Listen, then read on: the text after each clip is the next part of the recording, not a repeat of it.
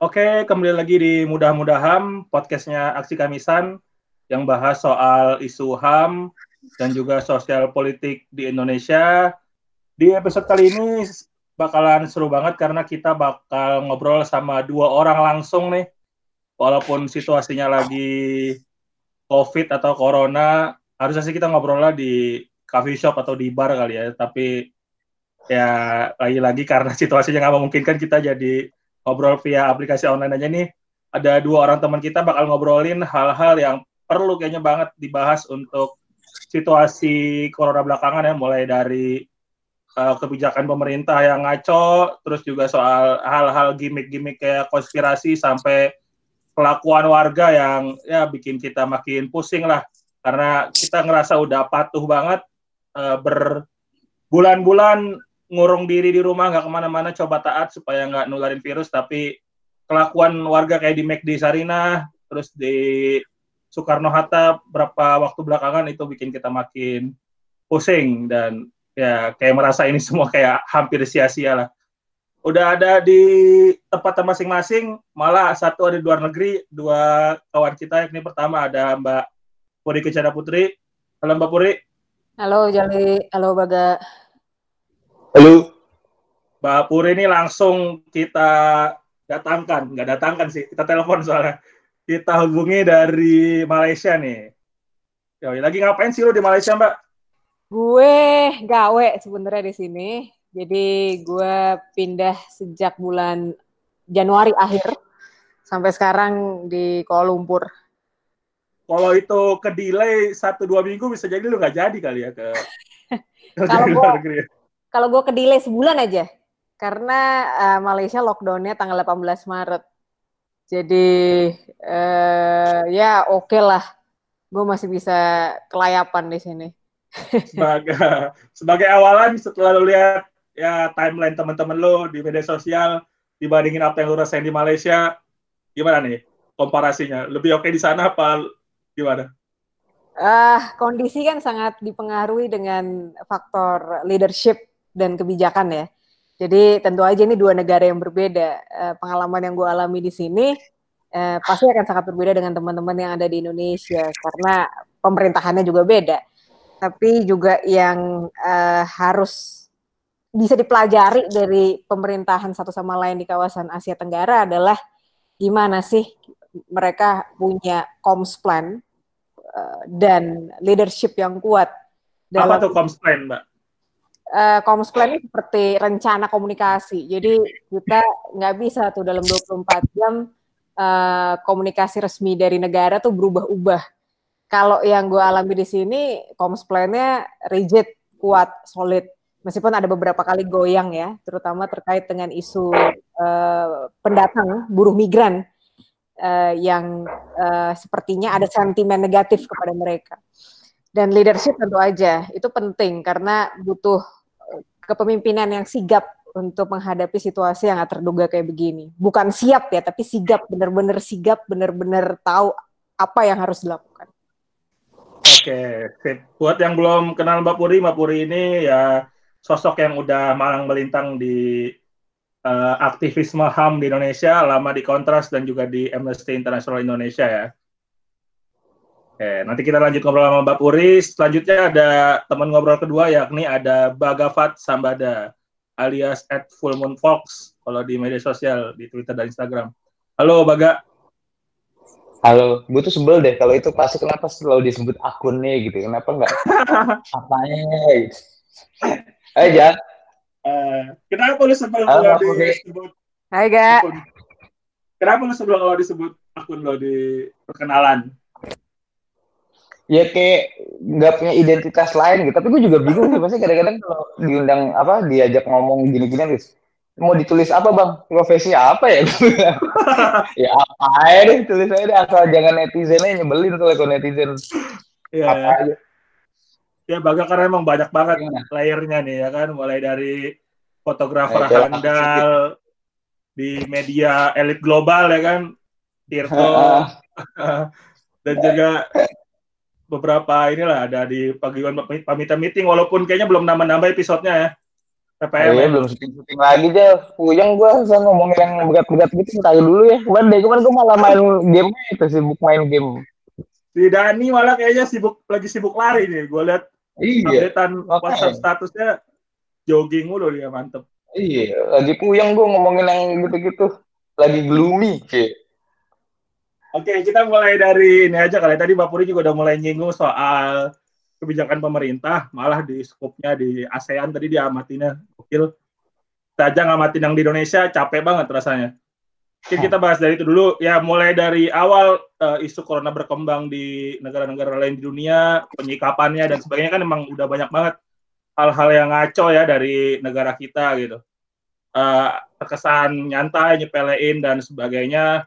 Terus juga pilihan-pilihan kebijakannya nggak ada yang hampir nggak ada yang benar-benar dengerin masukan dari ilmuwan, uh, aktivis dan sebagainya gitu-gitu. Jadi bertolak belakang lah uh, dengan apa yang di bahkan di undang-undang juga di dirangkahin kan kalau kita lihat undang-undang nomor uh, 6 tahun 2018 soal karantina wilayah juga harusnya kan dengan situasi ini pemerintah udah berkewajiban untuk menuhin uh, kebutuhan dasar warganya supaya nggak ke mana-mana supaya uh, virusnya cepat reda gitu dan akhirnya semua ini jadi berantakan sampai sekarang. Kita sampai nggak tahu ketidakpastian ini sampai uh, kapan bahkan sampai ada muncul isu herd immunity gitu. Dari sekian banyak kebijakan yang muncul gonta-ganti dan sebagainya mungkin pertama dari Baga dulu kali gak apa yang lo paling ingat dan lo paling keselin dari situasi yang hadir dari negara nih? Ah, gue duluan ya. Tadi maksud gue kalau nggak pergi duluan, gue tinggal setuju-setuju aja gitu.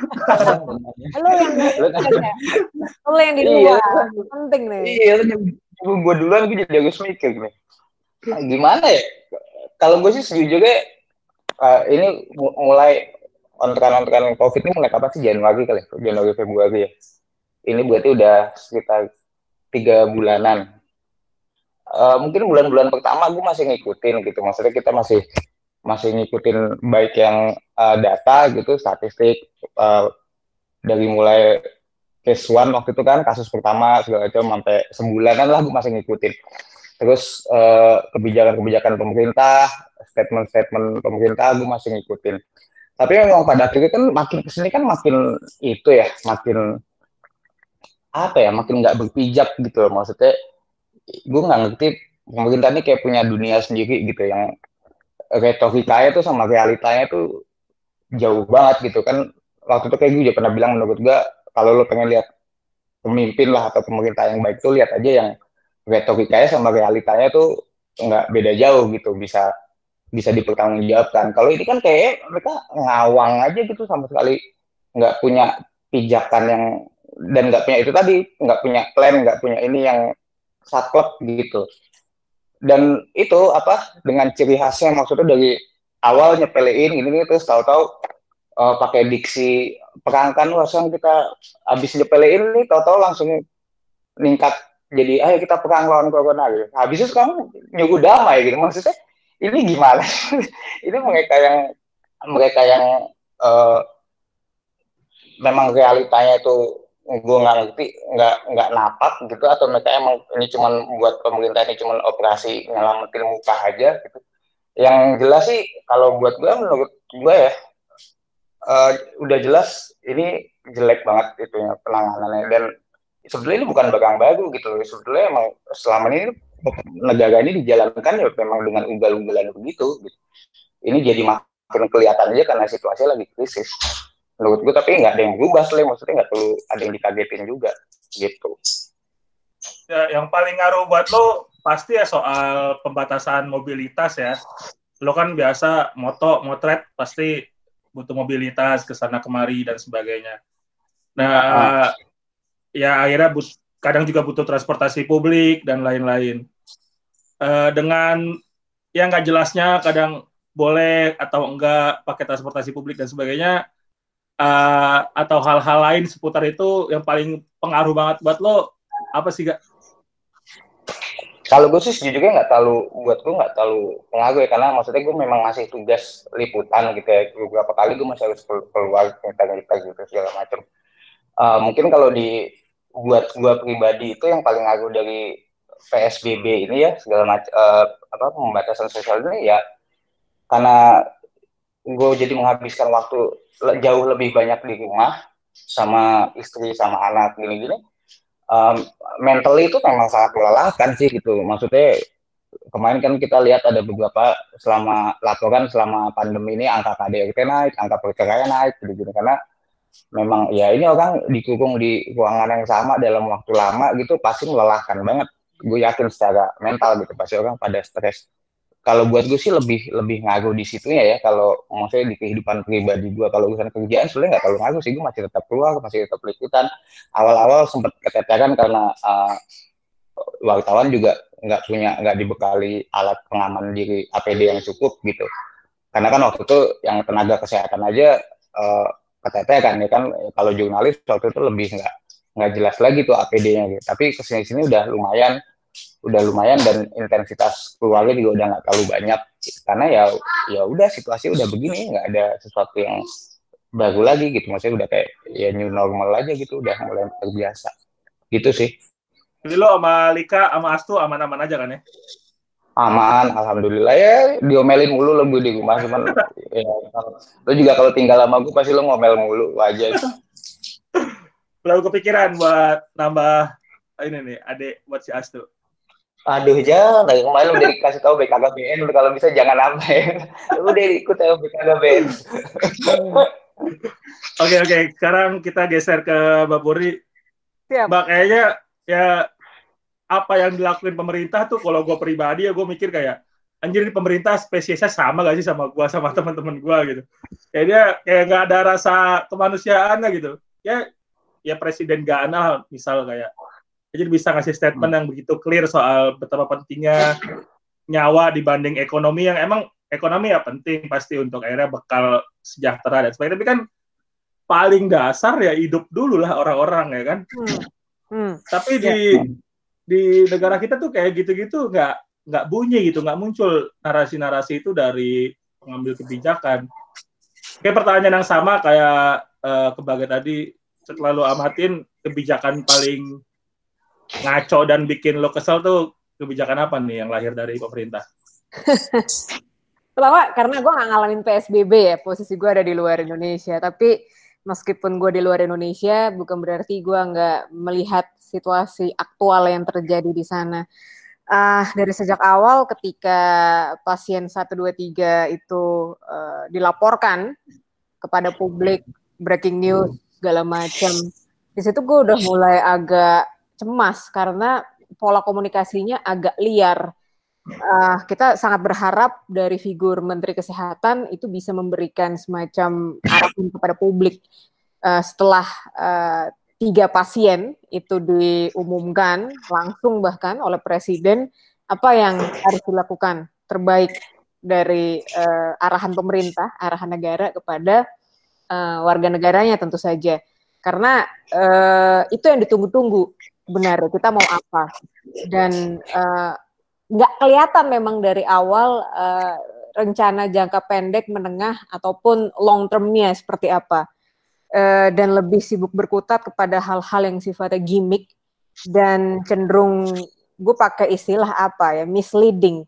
Cenderung tidak fokus pada pokok masalahnya penanganan COVID-19 itu sendiri uh, tadi Baga udah bilang kan, ini cenderung dihadapi dengan kesannya kes, seperti sepele, cengengesan segala macam.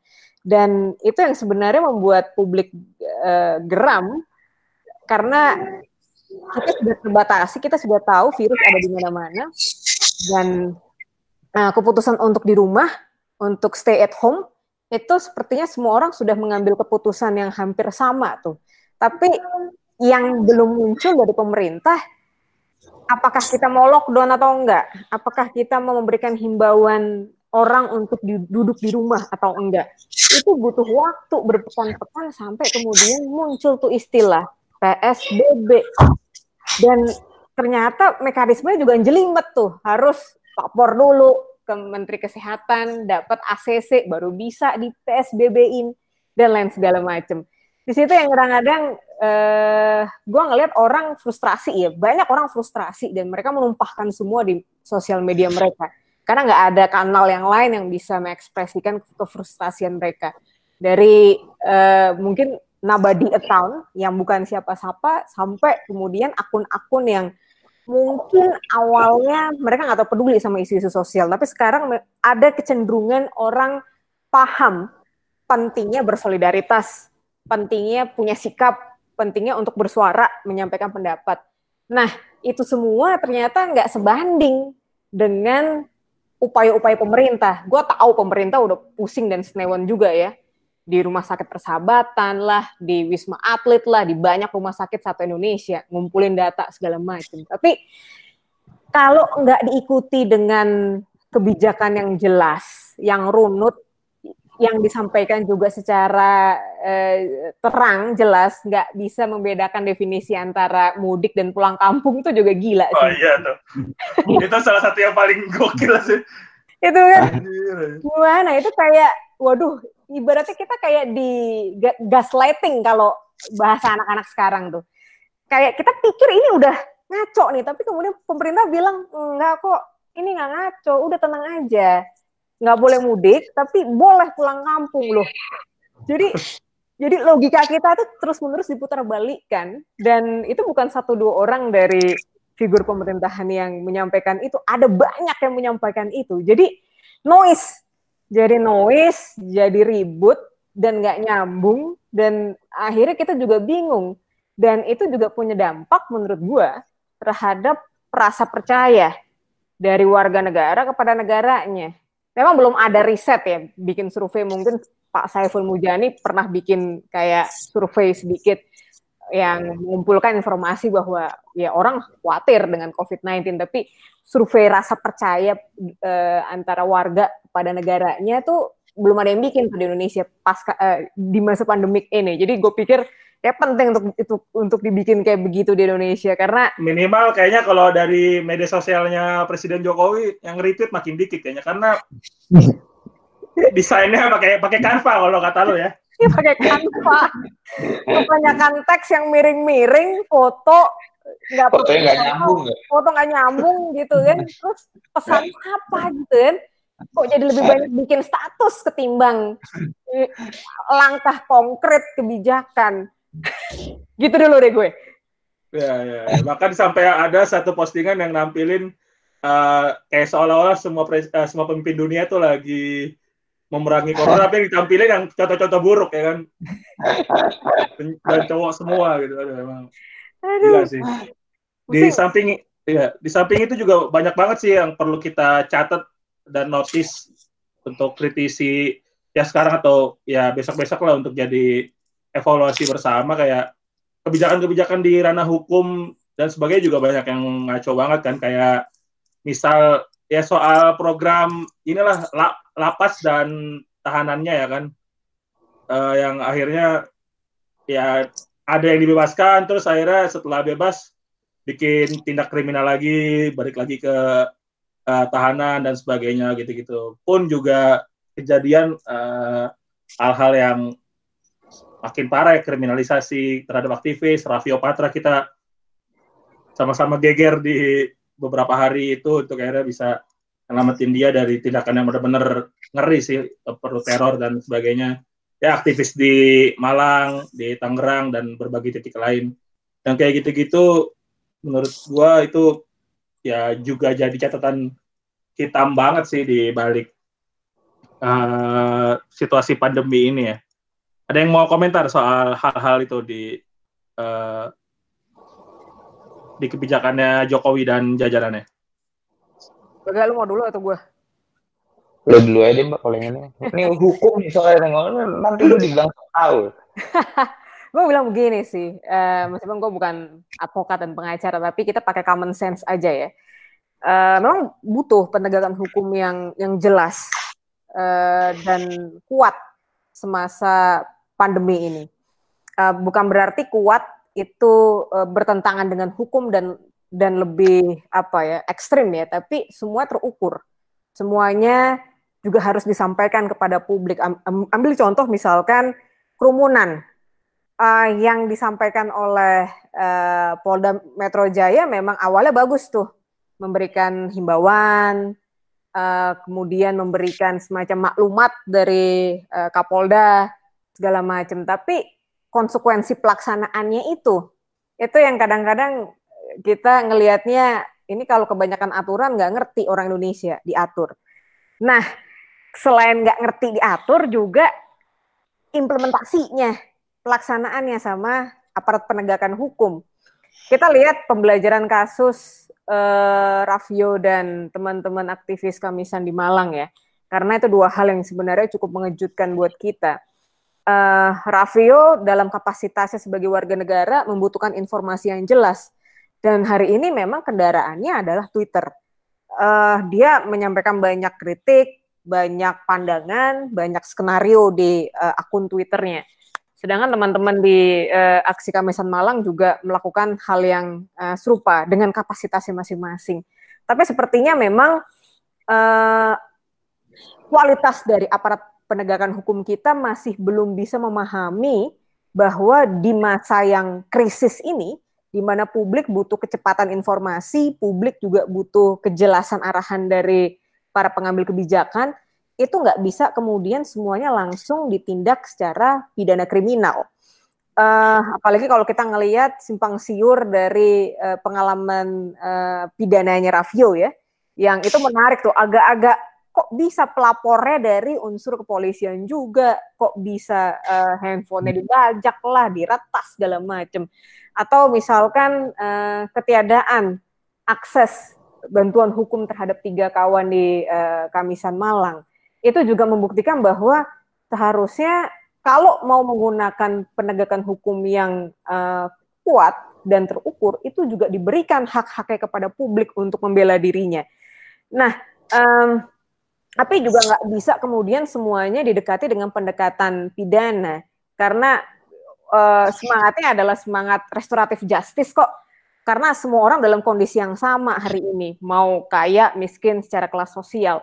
Dan uh, sepertinya penting untuk uh, Jokowi memberikan arahan-arahan yang yang utuh kepada Kapolri terkait soal penegakan hukum di masa pandemi ini. Memang nggak kelihatan ya dari banyak statement pernyataan yang disampaikan oleh uh, eksekutif terhadap instansi-instansi uh, keamanan lembaga negara di Indonesia. Ya kita tahu Komnas HAM memberikan masukan cukup banyak tapi tapi tidak kelihatan tuh uh, apa ya peta peta penegakan hukum di masa uh, pandemi di Indonesia dan ini memang sedikit berbeda dengan uh, ambil contoh pengalaman Malaysia ya. Kalau Malaysia uh, memang dari awal keras. Dari awal keras dari awal juga sudah diberikan uh, apa semacam kayak konsekuensi-konsekuensi uh, hukum. Kalau kita keluar di luar tempat rumah kita tanpa alasan yang jelas itu ada dendanya segala macam. Dan itu memang harus uh, dilakukan mau nggak mau agar orang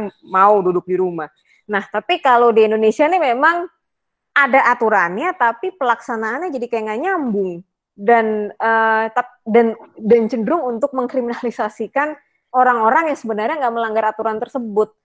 Jadi eh, ini yang bahayanya nih eh, bias-bias hukum seperti ini yang menurut gue eh, harus jadi catatan penting evaluasi dalam eh, pelaksanaan kebijakan sepanjang pandemi ini. Iya malah ada celah ya kalau sekarang aturan boleh terbang ya akhirnya ada surat-surat palsu beredaran. Nah itu dia tuh gila tuh. Sebagainya gitu-gitu. Gercep banget gila orang-orang di Indonesia di Indonesia gampang nyari duit kayaknya bang ya. gak gimana komentar lo gak soal hal-hal itu gak? Gimana ya? Kalau gue sih, maksudnya ini kan situasi krisis gitu ya, situasi luar biasa lah. Kita, maksudnya kita tahu uh, negara itu atau produk hukum itu pasti tiap undang-undang segala macam tiap ada peraturan bagus atau undang-undang yang baru keluar pasti produk hukum lah. Itu kan pasti kita bagi sama sebagian hak sipil kita itu kan. Itu kan pasti udah udah hukum alamnya lah gitu. Setiap ada produk hukum ya pasti ada sebagian hak sipil kita yang harus kita permuin gitu. nah karena situasi krisis kan sebetulnya warga juga udah siap gitu ya. Maksudnya paling enggak ditatakan prinsip gitu sih. Kalau gue ya kalau memang harus misalnya harus PSBB gitu demi kebaikan bersama demi isu publik eh, demi kesehatan masyarakat gitu kesehatan publik ya gue sih nggak masalah sebetulnya. Ada sebagian hak gue yang diambil nggak boleh keluar rumah. Mungkin nanti nggak boleh mudik nggak boleh ini segala macam. Jadi yang diharapkan adalah uh, negara bersama polisi sebagai aparatur ya sebagai penegak hukumnya ya menjalankan itu dengan uh, dengan perspektif uh, isu publik gitu kepentingan publik harusnya mereka menjalankan itu untuk kepentingan publik. Bukan malah terus nangkepin orang yang tetap jalan segala macam yang dan kan juga harusnya ngelihat itu lapangan yang kayak solidaritas pangan di Jogja juga dibubarin yang di Salatiga yang pada squatting dudukin rumah kosong untuk gelandangan juga dibubarin segala macam belum lagi ya kita lihat lah kemarin kalau yang kayak gitu gitu segala macam itu malah mereka ngelesnya banyak banget gitu. Belum lagi itu tadi apa justru konflik lahan juga di, di daerah masih jalan juga. Di NTT uh, ICE juga masih bukunya dibubarin yang pada aksi padahal udah social distancing segala macam giliran yang beneran untuk kepentingan publik gitu ya memang nggak jelas gitu. Kayak PSBB itu juga menurut gua kan kayak kita di Mbak Puri juga bilang maksudnya ini nih karena warga exceptionalism gitu loh. Kita merasa oh Indonesia ini beda soalnya warga susah diatur gitu-gitu. Tapi mungkin kita juga gagal melihat orang sini mungkin gak susah dalam tanda kutip susah diatur juga karena mereka sudah di udah distrust gitu loh udah. Mereka selama ini punya keper, uh, punya ketidakpercayaan sama pemerintah jadi ya. Toh pemerintah juga dari awal kalau ngurusin gini penegakan hukumnya juga cincai lah. Ini juga nanti inilah ini juga mereka dari awal misalnya nyepelin ini gini-gini jadi itu tadi menurutku penegakan hukumnya sama informasinya segala macam yang tadi disebut Mbak Puri itu itu juga memang berkaitan kalau kalau informasinya jelas satu pintu unut segala macam orang ngerti penegakan hukumnya juga terus dibagangin kelihatan bahwa ini polisi memang menjalankan fungsinya sebagai penegak hukum untuk kepentingan orang banyak, kepentingan publik, gini-gini. Gue yakin sebetulnya mungkin mungkin ya gitu. Maksudnya kita nggak tahu. Mungkin orang juga bisa lebih mudah dia gitu. Lah kalau ini kan nanti si presiden yang ngomong apa, menteri yang ngomong apa, semua kan ya udah kita tunggu Luhut aja lah, pokoknya Luhut ngomong apa tuh mbak. Tapi fix kan gitu. Dia kan kayak Jokowi ngomong A, Terawan ngomong B, Budi Karya ngomong C, udah kita tunggu Luhut aja gitu. Maksudnya itu kan itu terlihat seperti jokes gitu, itu terlihat seperti guyonan gitu. Tapi bahwa ada distrust di masyarakat gitu, menurut gue itu kelihatan banget gitu. Apalagi kalau misalnya, kan gue masih kelilingan motret gitu. Gue masih kelilingan motret ngobrol sama orang gitu yang pada dagang makanan gini-gini segala macam. Pertama mereka memang nggak punya sumber penghasilan uh, tetap yang bulanan gitu. Maksudnya mereka penghasilannya harian. Kalau nggak nggak nggak punya uang gitu. Makanya waktu itu gue nggak mau terlalu ikutan ribut-ribut lockdown karena kalau gue misalnya lockdown pun mungkin gue masih punya uh, resource buat bertahan di rumah dua minggu gitu ada uang ada makanan ada air bersih ada atap gitu. cuman buat orang yang nggak punya salah satu atau semua itu kan jadi masalah gitu. Nah orang-orang di bawah tuh yang gue temuin maksudnya di jalan gitu di luar gitu yang masih mereka harus keluar harus cari nafas macam. Ya mereka juga bilang ya pemerintah aja soalnya nggak jelas gimana mau, mau gimana gitu. Ah, waktu itu ada yang bilang bilang berita tuh isinya cuma waktu masih awal-awal itu ya masih bulan pertama bulan kedua gitu berita tuh juga ada yang bilang berita tuh isinya cuma uh, berita orang meninggal korban covid ya tapi nggak ada nggak pernah ada berita. Jadi tim pemerintah ini sebetulnya mau apa gitu? Atau mau lockdown atau mau psbb segala macam. Mereka mereka gitu kan maksudnya gue juga ya jangan kan gue aja suka bingung. Gitu. ini beda lockdown sama psbb eh, psbb sebetulnya apa sih double speak double speak gitu loh. Atau itu mudik sama pulang kampung bedanya apa sih? Bedanya apa sih? Gitu. Jadi orang memang nggak jadi karena distrust itu juga jadi orang yang memang terus apalagi itu tadi kan maksudnya solidaritas menguat. Gitu kan itu kita bisa sebenarnya kita juga bisa lihat ya selain karena orang sini memang guyup gitu ya kalau dari dulu kalau lagi ada bencana lagi ada krisis kita pasti saling tolong menolong tapi menurut gue itu juga ya karena mereka udah tahu uh, negaranya memang tidak bisa diandalkan gitu. Kemarin Jokowi bilang saya bersyukur kita semua bersolidaritas. Lah pak itu kan berarti karena situ yang nggak fungsi ya? Maksud gue aneh juga. Kan bener loh bener. Iya kan pada akhirnya tolong segala ini karena lo yang nggak berfungsi. Itu aja sih kalau waktu gue jadi emang nggak bisa terus dipukul kata oh eksepsionalisme gitu loh. Maksudnya itu diatur susah ini segala macam eh yang ngejalanin aja dulu gimana gitu maksudnya pemerintahnya lagi kayak anak mereka di Malang anak Kamisan. Eh saya Jumatan aja udah nggak boleh. Lu malah Kamisan aja ini jelas ya Jumatan aja udah nggak boleh. Gimana ya Kamisan? Gitu. Dan online. Terus oh, online ya. ditangkapnya gara-gara milok. Oh iya. Vandal, vandalisme katanya. Anti kapitalisme iya iya ya, ntar, dijelasin ya jangan gue bercanda ntar yang ingin sampai iya, iya, iya. ya siap siap ya disensiin Bu Sumarsi nanti lo ya sih emang ya banyak banget lah emang hal yang ngaco sampai kayak masa BNPB sama MPR RI buka apa ruang donasi dari publik. Eh, lembaga negara ya bukan ruang donasi dari publik. Gila, padahal emang iya. ya secara inisiatif warga udah bikin uh, saling solidaritas itu walaupun emang nggak bisa jangka panjang ya dan sekarang udah kelihatan emang udah semakin untuk jaga diri masing-masing. Oke, soal konteks kebijakan dari pemerintah udah cukup kayaknya walaupun sebenarnya masih banyak banget yang bisa dibahas kayak ya pengesahan undang undang-undang yang colongan di masa-masa kayak gini dan sebagainya. Hmm. Tapi kita coba ke bahas ke topik yang kayaknya le lebih agak lebih menarik nih karena ya ini dapat uh, engagement yang gede banget dari mana-mana soal ya di balik corona ini banyak menganggap ada teori konspirasi lah. Hmm. Mungkin nggak se nggak se ekstrim yang bilang kalau corona itu nggak ada, corona itu hoax, palsu dan sebagainya, tapi dari dari level yang bilang kalau emang uh, corona ini dilebay-lebayin efek uh, dampak dan sebagainya sehingga uh, orang-orang uh, khawatirnya berlebihan dan lain-lain. Ini diutarain bahkan oleh banyak tokoh publik gitu. Ya let's say kita bisa sebut kayak uh, bahkan di level pemerintahan juga di Amerika Donald Trump bisa sedidayal itu gitu. Dan ah. siala diikutin sama beberapa tokoh publik di Indonesia. Misalnya kayak ya Deddy Corbuzier dengan beberapa episode podcastnya. Terus juga ah. yang yang hits banget nih uh, saudara kita Jerings drummer SID yang punya ideologi dan lifestyle mirip-mirip Baga nih pang ya. Sesuai baju yang dipakai pang gila tulisannya tuh pang metal. Eh, pang metal dari cicilan KPR tuh boleh nggak cicilan KPR ya menurut lo Mbak Puri ini kan juga sempat lo bahas kayaknya waktu di ngobrol-ngobrol bareng TEDx Jakarta ya. Iya. yeah. Ya mungkin bisa diulang nih di sini akhirnya kenapa fenomena-fenomena kayak gitu bisa ada dan eksis di banyak pikiran orang gitu. Pertama mau bilang uh, praktek teori konspirasi ini ada dua penyangganya, yakni praktek yang sebenarnya sudah cukup lama melekat di publik Indonesia.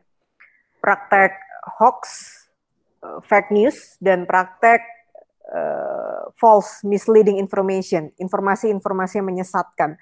Dan dua pondasi ini yang menopang teori-teori konspirasi tersebut. Nah, gue mau bilang pertama teori-teori konspirasi ini akan eksis sepanjang kita menghadapi krisis, sepanjang manusia menghadapi krisis.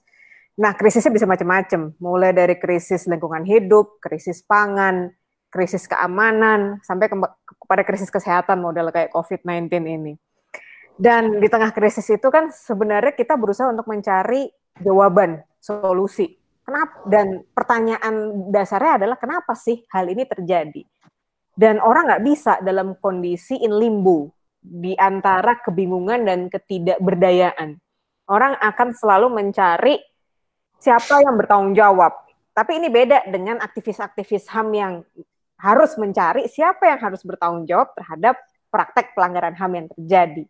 Karena uh, dari agenda aktivis HAM itu sendiri kan sebenarnya agenda akuntabilitas, agenda kebenaran, agenda keadilan dan ada sejumlah proses inquiry, ada sejumlah proses verifikasi alat bukti, informasi yang mereka lakukan bersama dengan lembaga negara untuk untuk membuktikan bahwa ada permufakatan jahat, konspirasi itu adalah permufakatan jahat sehingga terjadi pelanggaran HAM. Nah, tapi dalam konsep teori konspirasi itu hal yang sangat berbeda dari mengungkap permufakatan jahat. Nah, teori konspirasi ini biasanya akan mengumpulkan banyak uh, situasi, peristiwa yang random, yang tidak terkait satu sama lain, tapi mereka akan jump into conclusion bahwa dari situasi yang tidak terkait satu sama lain ini, ada sejumlah orang dalam jumlah yang kecil, tapi punya pengaruh yang sangat kuat tidak sekedar pengaruh di level kelurahan, RT, RW, atau di level negara, tapi levelnya global. Makanya kemudian muncul istilah elit global yang punya agenda terhadap situasi krisis tersebut. Dan biasanya kemudian uh, orang-orang tersebut, institusi global tersebut, atau yang mereka kategorikan sebagai elit global, itu yang harus menanggung beban untuk membuktikan bahwa mereka salah menyebabkan situasi ini terjadi. Nah, kalau pertanyaannya kemudian, kok bisa sih orang yang berpendidikan, orang yang kayaknya punya pengaruh yang kuat, sampai kemudian orang yang nggak punya pengaruh apa-apa, terjebak dalam teori konspirasi ini? Gue mau bilang, uh, teori konspirasi ini sebenarnya tidak bermain di tataran ideologi, tidak bermain di tataran ilmu pengetahuan, karena teori konspirasi ini anti ilmu pengetahuan. Jadi biasanya eh, orang-orang uh, yang masuk memasukkan dirinya dalam arus teori konspirasi itu nggak pandang bulu. Mau dia punya pengalaman lama dengan publik bisa bahasa Inggris sekolah S2 S3 segala macam kalau kemudian dia sudah ada dalam situasi yang membuat panik membuat dia cemas dan dia harus punya solusi terhadap situasi tersebut maka dia lebih rentan untuk menerima teori-teori konspirasi atau dia juga lebih rentan untuk melakukan uh, cocok logi dari teori konspirasi tersebut.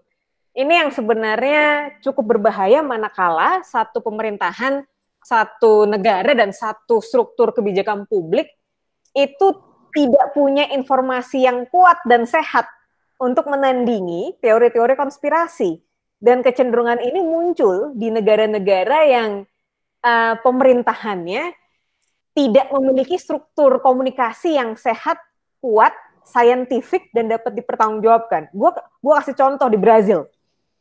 Uh, presidennya si Jair Bolsonaro uh, Bolsonaro. Ya. Yeah. Itu satu figur yang anti sains, satu figur yang anti ilmu pengetahuan di awal uh, pandemi ini dia mengatakan bahwa ini flu biasa aja. Begitu juga yang terjadi di Amerika Serikat dengan Donald Trump.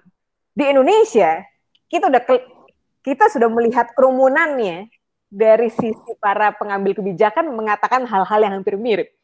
Dan ini akhirnya dipakai oleh orang-orang yang percaya dengan uh, sejumlah teori konspirasi itu untuk menggunakan informasi-informasi yang sebenarnya daur ulang.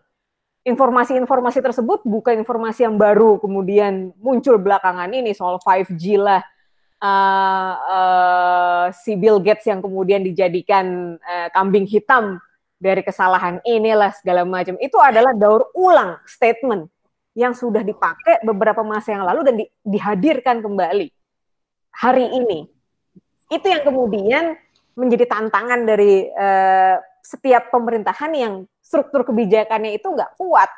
Sehingga ketika kita mau maju nih ketahan lagi. Karena pertama eh, spokesperson dari pemerintahannya itu juga nggak clear, seakan-akan tidak kooperatif dengan uh, para pakar.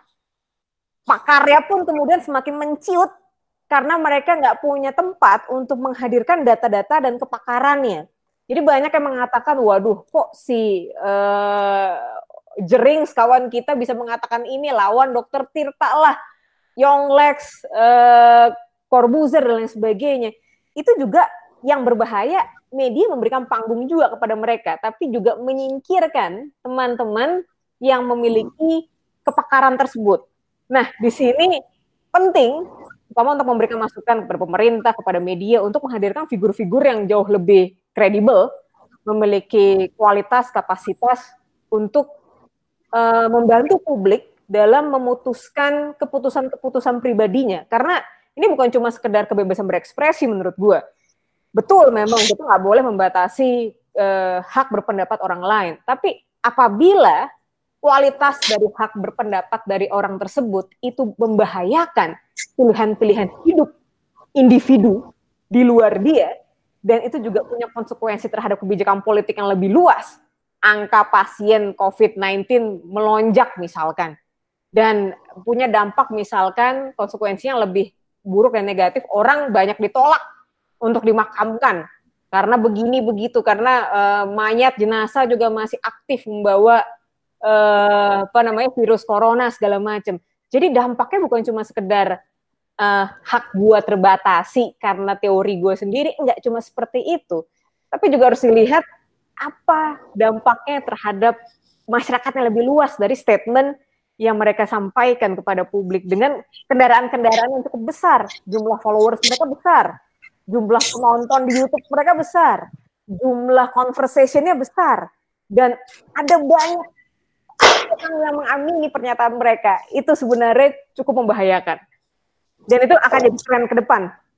Uh, menjelang vaksin mungkin nanti kalau prediksi gue kalau vaksin nanti jadi nih uh, bounce back-nya adalah banyak orang yang uh, kemungkinan besar akan jadi anti vaksin karena sudah lama ada dalam pusaran teori konspirasi tersebut. Gitu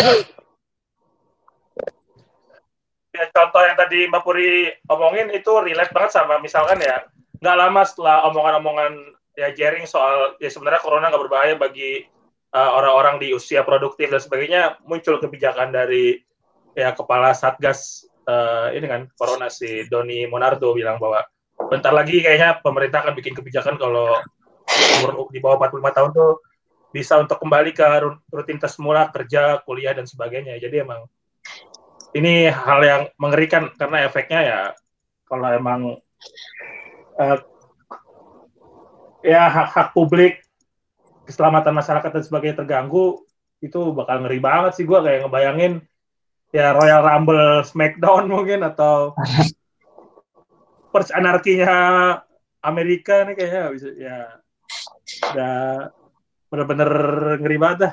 Kalau emang ntar ya bisa jadi karena ntar, ntar himbauan dari negaranya kayak gitu ya kampus juga nurut sama himbauan negara, terus kantor-kantor juga pasti rujukan ke situ ya ya udahlah siap-siap aja gitu. Apalagi BPJS naik sekarang ya kan jadi makin parah ini. Hmm. Gimana agak komentar soal konspirasi-konspirasi itu gak? Banyak yang jadi anti nih kata begitu anti vaksin. Antipak. ya itu ya apa ya? Ya benar sih tadi maksudnya orang butuh pegangan, maksudnya situasi krisis kayak gini gitu, orang butuh pegangan, orang butuh jawaban segala macam. Jadi ya kalau kata orang Jawa tuh apa otak otak hati satu tuh ya kejadian random dicocok logi dihubung-hubungan segala macam. Kalau gue sih sebenarnya sederhana sederhana aja. Pertama uh, teori konspirasi itu kan extraordinary claim ya, berarti dia butuh extraordinary proof gitu aja sih menurut gue. Dan kedua yang menurut gue harusnya jadi itu kita kalau itu sih menurut gue itu bukan masalah kita, itu masalah yang percaya sama itu aja gitu, itu masalah yang yang harus membuktikan ya dia yang punya premis begitu. Kedua yang jadi concern kita tuh harusnya menurut gue yang kayak gitu-gitu bisa tumbuh subur ya karena selama ini integritas informasi publiknya juga udah hancur-hancur kan gitu orang orang udah nggak ngerti gitu mana yang harus dipercaya, mana yang harus ini segala macam. Waktu itu tebakan itu memang pada akhirnya eh, pengusung-pengusung teori konspirasi ini pertama pasti akan ikat media gitu. Maksudnya media ini pasti akan ke bawah-bawah gitu. Karena ya harus diakui juga kualitas media kita di sini kan juga nggak nggak super super banget gitu, nggak nggak bagus-bagus banget gitu. Kalau gue bilang sih mereka masih sebetulnya sih masih belum terlalu berhasil lah ngawat uh, integritas ruang publiknya gitu. Tugas jurnalisme kan soalnya kan kalau di demokrasi kan itu merawat integritas ruang informasi publiknya. Jadi orang tahu mana yang benar, mana yang salah, mana yang disinformasi, mana yang konspirasi, mana yang ini segala macam, mana yang saintifik tadi kalau kata Mas mana yang ini. Itu juga udah begitu, jadi yang mereka sungguh, terus tambah lagi yang parah juga yang ngasih panggung sih. Menurut gue itu juga itu turut bertanggung jawab sih maksudnya sebetulnya nggak perlu dibatasin kebebasan berpendapat ya gitu. Nggak usah dikasih panggung aja gitu. Maksudnya ya kita nggak ngelarang ngomong gitu. Tapi gue nggak mau ngasih panggung. Maksudnya kayak kemarin juga uh, eh, PPM juga banyak yang ayo dong bang itu ajak yang segala macam gini-gini. Ngomongin enggak gue nggak mau ngasih panggung begituan gitu. Ngapain? Ya bukan masalah kebebasan berpendapat ya. Cuman ya gue sih nggak ngelarang dia ngomong. Terserah dia mau ngomong gimana tapi gue nggak mau ngasih panggung gitu. harusnya juga menurut gue media justru lebih harusnya lebih hati-hati lagi sama yang begituan. Dan lebih hati-hati dan harusnya punya kesadaran yang lebih baik lagi masalah gituan. Ngapain kayak kayak gituan dikasih panggung gitu aja sih kalau hmm. ya walaupun kayaknya waktu di kesempatan jaring di Kompas tuh ya kalau emang benar-benar orang menyimak dan ya punya literasi yang cukup ya itu kayaknya malah backlash ya sharing ya. Iya, itu kan maksudnya aku siapa tuh yang bilang, ya ini kan Kompas sedang berusaha cover buat saya enggak itu maksudnya buat cover buat saya itu maksudnya itu gue nggak tahu tuh doktrin dari mana gitu kan ada beberapa bukan beberapa ada banyak isu yang memang nggak butuh both side gitu maksudnya kayak dulu terang bohong sama New York Times saya dibilang ya presiden bohong gitu nggak butuh gitu. kalau terang mau bilang uh, besok hujan bakso gitu misalnya apa lu gue saya ditanya teramai bener nggak? Besok hujannya disuruh buktiin dulu besok hujan bakso. Enggak enggak enggak semua butuh cover side gitu. Kalau yang lu udah tahu ngaco ya nggak usah dikasih paham ngapain?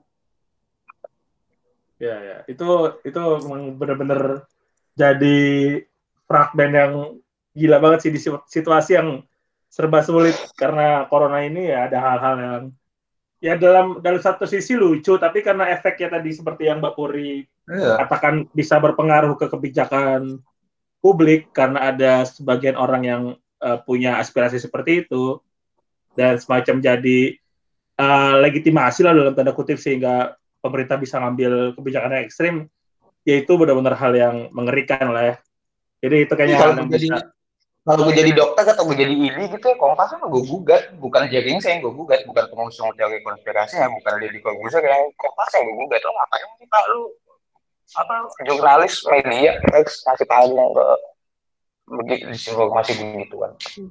hmm. Yeah. Sip, sip.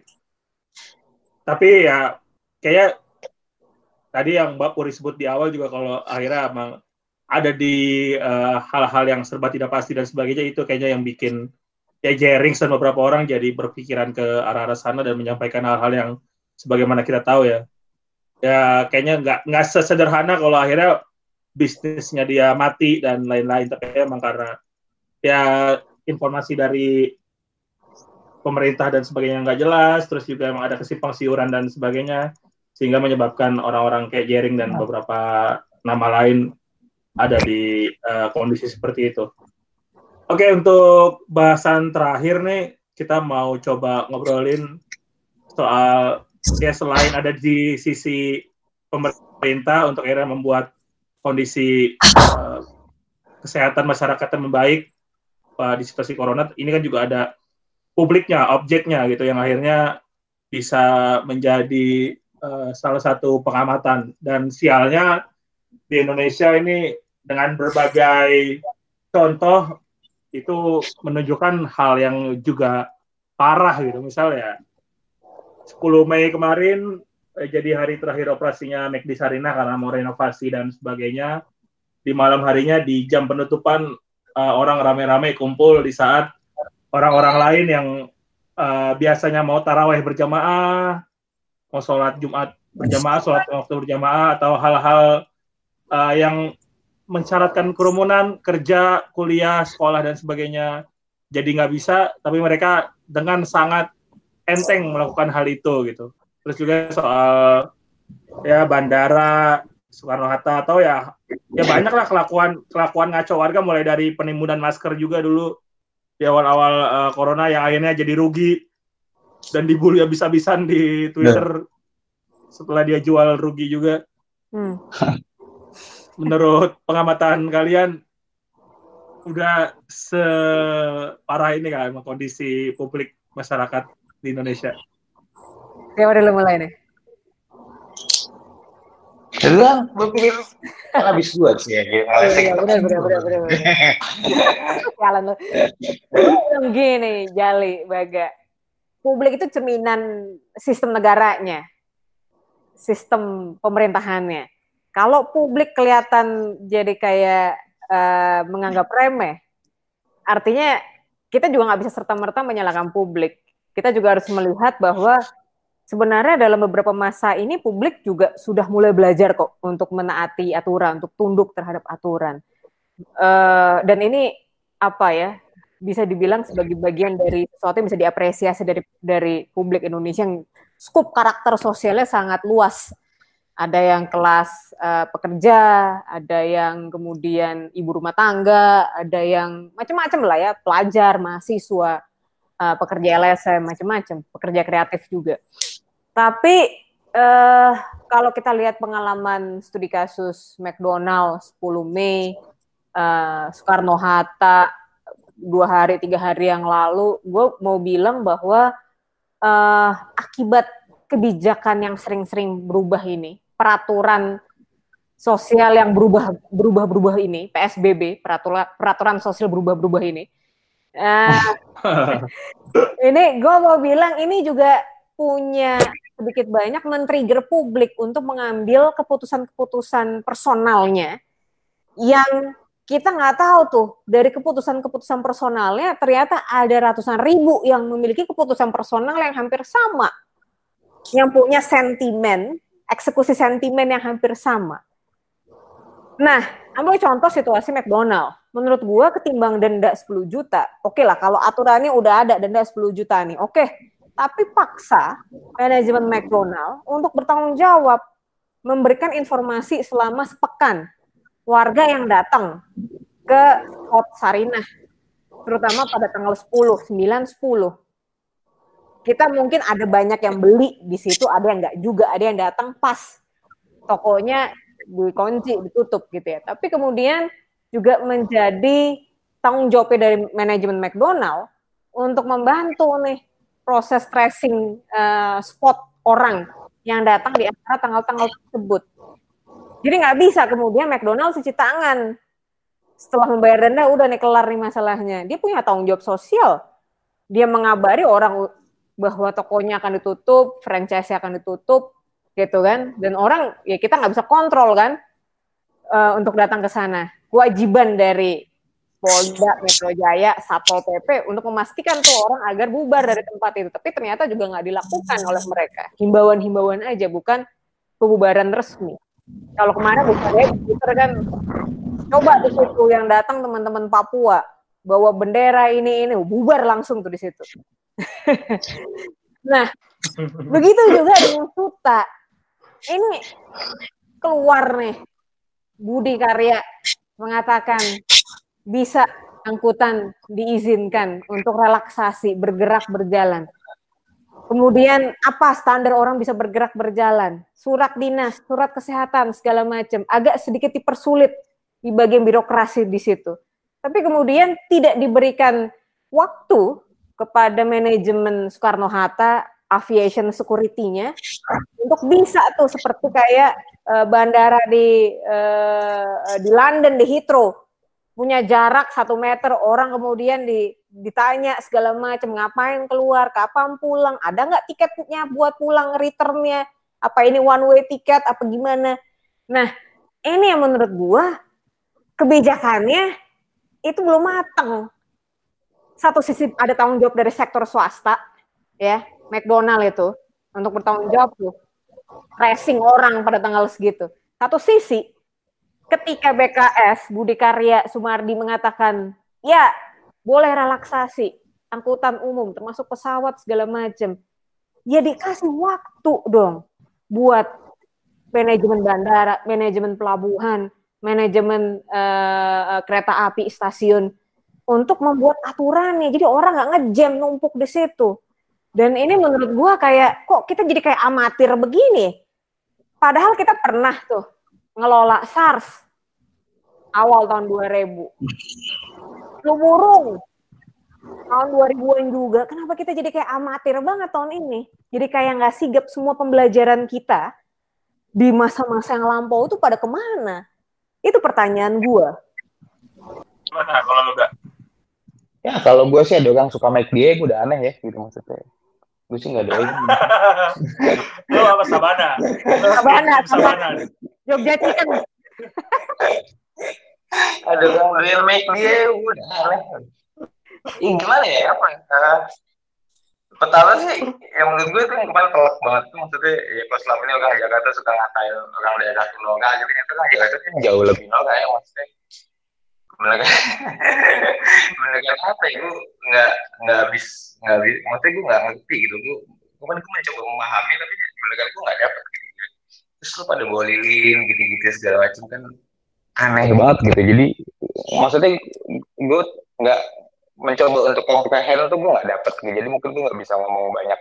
Tapi ya itu ya maksudnya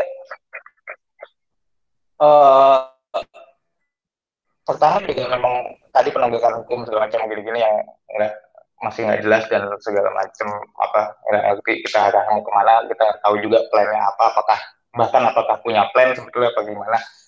Ya kayak itu Budi Karya yang menurut gue epic comeback itu dia habis sakit sembuh atau ngomong maksudnya atau ngomong mudik apa itu sama gila dia nggak tahu apa kemarin orang Indonesia habis ngikutin bedanya terus tahu dia bilang sama oke itu freak show aja sih menurut gue itu dengan shit show aja gitu. Terus juga menurut gue yang lebih penting uh, kita sorot tuh yang lebih penting harusnya kita concernnya gitu kayak masalah ini kan relaksi relaksasi segala macam. Kan terus pada akhirnya gue nggak tahu sih maksudnya yang kelihatan aja lah misalnya di Twitter di media sosial gitu yang kelihatan aja dulu. Kan selalu pertanyaan tuh antara dikotominya tuh kayak ini mau ekonominya atau kesehatan gitu. Mana yang mau diselamatin gitu. Apakah ekonomi mana yang mau dipentingin apakah ekonomi atau kesehatan masyarakat. Seakan-akan dua benda itu tuh e, bertentangan gitu. Kalau menurut gue sih jadi pertanyaannya sebetulnya lah emang selama ini sistem ekonomi macam apa sih yang kita jalanin kok dia bisa menimbulkan pilihan yang sampai melibatin nyawa? Orang gitu. Mungkin jangan-jangan memang udah ada salah. Salah di situnya gitu uh, dan itu gue yakin pertanyaan itu atau alasan itu nanti akan dipakai oleh pemerintah di banyak sekali aspek kehidupan kita ya. Nggak cuma menurut gue nggak cuma masalah. Apalagi kan WHO udah bilang COVID ini nggak tahu selesainya kapan gitu. Jadi menurut gue dua benda itu tuh akan selalu dibentukin gitu untuk ngasih jalan kepentingan-kepentingan yang lebih transaksional dan lebih nggak ada untungnya buat kita sih buat publik menurut gue justru lebih penting kita merhatiin itu ya kalau buat gue gitu aja sih Jack. Hmm. Oke, sip. Kayaknya kita udah di ujung obrolan. Thank you buat Mbak Puri dan Baga buat Thank you kita rencanain setengah jam tapi lebih dari sejam kayaknya. Oh iya, udah sejam ya, Mas. Iya, sejam sembilan lah. Iya, bener. Iya. Sejam nih. sorry, sorry, sorry. Jangan lu jangan lupa taraweh habis ini. Sepuluh malam terakhir nih. Iya, bener kan sepuluh malam terakhir ya. Hmm. Lailatul Qadar. Lailatul Qadar. Paling terakhir kalau ya mungkin ada ya presiden atau stafnya dengerin ini ada pesan yang uh, harus lu sampaikan lu mau nyampein pesan apa ke Jokowi dan jajaran nih Bapuri dulu nih apa ya? Uh, ini bukan cuma sekedar kita ngimpor alat-alat kesehatan sebanyak-banyaknya atau berhasil menggadaikan surat utang negara sebanyak-banyaknya untuk 50 tahun ke depan sampai anak cucu kita bisa membayar full penuh.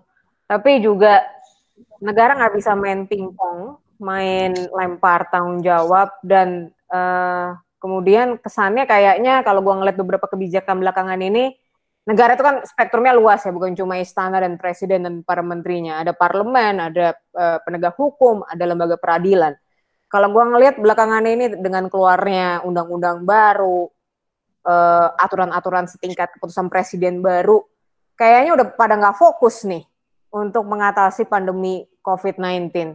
Kayaknya udah kayak ya udahlah uh, uh, kun fayakun aja kalau kata orang Islam kan apa pun yang terjadi terjadilah udah. Uh, dan uh, semua orang akhirnya uh, back to usual business padahal kita nggak bisa tuh langsung kembali kepada situasi yang normal sedia kala seperti misalkan Mei 2019 kalau kita tarik mundur setahun yang lalu. Jadi uh, penting untuk terus konsisten dan membuktikan bahwa perang ini dalam tanda kutip itu bisa kita menangkan. Jadi jangan buru-buru menjauh dari proses dan langsung menggunakan kata damai kalau tadi uh, mau balik ke statementnya Baga kan. Dia tadi membandingkan antara statement perang yang awalnya digaungkan oleh pemerintah, tapi sekarang yang dikeluarkan adalah udah damai aja. Ini artinya memang kita nggak pernah belajar untuk bertanggung jawab. Kita udah mangkar, eh, kita udah mangkir dari misalnya kasus-kasus pelanggaran HAM nih yang numpuk di bulan Mei ini kan banyak peringatan bulan Mei semuanya dilakukan online peringatannya. Sampai ke kasus COVID-19 kita nggak bisa belajar untuk jadi bangsa negara yang bertanggung jawab. Buktikan deh kalau kita ini bangsa negara yang bertanggung jawab, selesaikan ini sampai final, sampai selesai. Walaupun di final juga kalah biasanya sih Indonesia. Iya, sebenarnya. Kan kali sudah final ya, biasanya belum final udah kalah. Oke, okay, thank you Mbak Peri. Gimana Ya, nggak jauh beda sih maksudnya itu tadi ini kan kita kayak Indonesia nih kayak kalau sekolah nih kita masuk telat nih jam pelajaran kedua gitu terus jam istirahat kita mau pulang dulu. Lu udah datang telat gitu. Udah datang telat terus pas istirahat lu mau balik cepat gitu. Menurut gue ya ya tapi sih juga kalau mbak Pungki tadi sih optimis banget ya maksudnya masih iya gue sih juga gue udah nggak bisa gue optimis gitu. Maksudnya ya udah apa deh yang udah nggak ada energi aja asli aja. Kalau mbak Pungki ini aktivis sih soalnya jadi maksudnya energi banyak banget gitu. Kalau gue nih udah udah. Jadi apa ya sebenarnya juga sedih gitu. Maksudnya uh, bayangin tiap pagi gue cuma kegiatan itu sama maksudnya kalau masalah ini gitu ya cuma ngomentarin omongan pejabat aja tawain gini gini yang gue yakin sebenarnya mereka senang juga gitu. Ini cuma diketawain doang nggak ada apa-apa maksudnya nggak nggak disuguh mundung nggak disuguh apa gitu. Sebenarnya kan enak gitu. Tapi memang harus diakui dia semakin tipis gini jadi kalau mau get your shit together gitu ya. Ini aja udah telat gitu. Maksud gue jangan kan mulai sekarang sekarang aja udah telat gitu. Ya jadi duty bearer yang baik gitu jadi pengemban tanggung jawab yang baik kalau masih mau niat gitu ya, ya udah coba dimulai sekarang gitu. Kalau enggak ya kita lihat nanti lah. Mau gimana? Oke sip. Thank you banget sekali lagi buat Mbak Puri dan Baga. Semoga bisa bisa bertahan dalam jangka waktu yang lama sampai kehidupan bisa yeah. kembali dan kita bisa berinteraksi secara langsung. Oke Mbak Puki balik sini dong biar rasain di sini. Gue gatel ya di sini. tegang, tegang banget di sini tuh yang tiap bangun hidup tuh ya nggak gini. Ada apa lagi ya? Bing. Ya curang banget lo emang Mbak. Parah. Mana Mana gue tahu, gila. Gue ngeliat dari sini juga. Oke, buat teman-teman yang dengar, terima kasih buat waktunya. Okay. Jangan lupa buat dengerin episode-episode lainnya dan share di uh, media sosial kalian dengan mention atau tag tandai aksi kamisan di Instagram dan Twitter serta pakai tagar uh, mudah-mudahan. Sekali lagi terima kasih buat semuanya. Sehat-sehat. Jangan lupa untuk terus melawan. Jangan lupa untuk terus melawan dan ya ingetin tanggung jawab negara untuk kita semua. Sampai ketemu di kesempatan lainnya. Uh, terakhir kita jargon kali ya kalau masih pada ingat.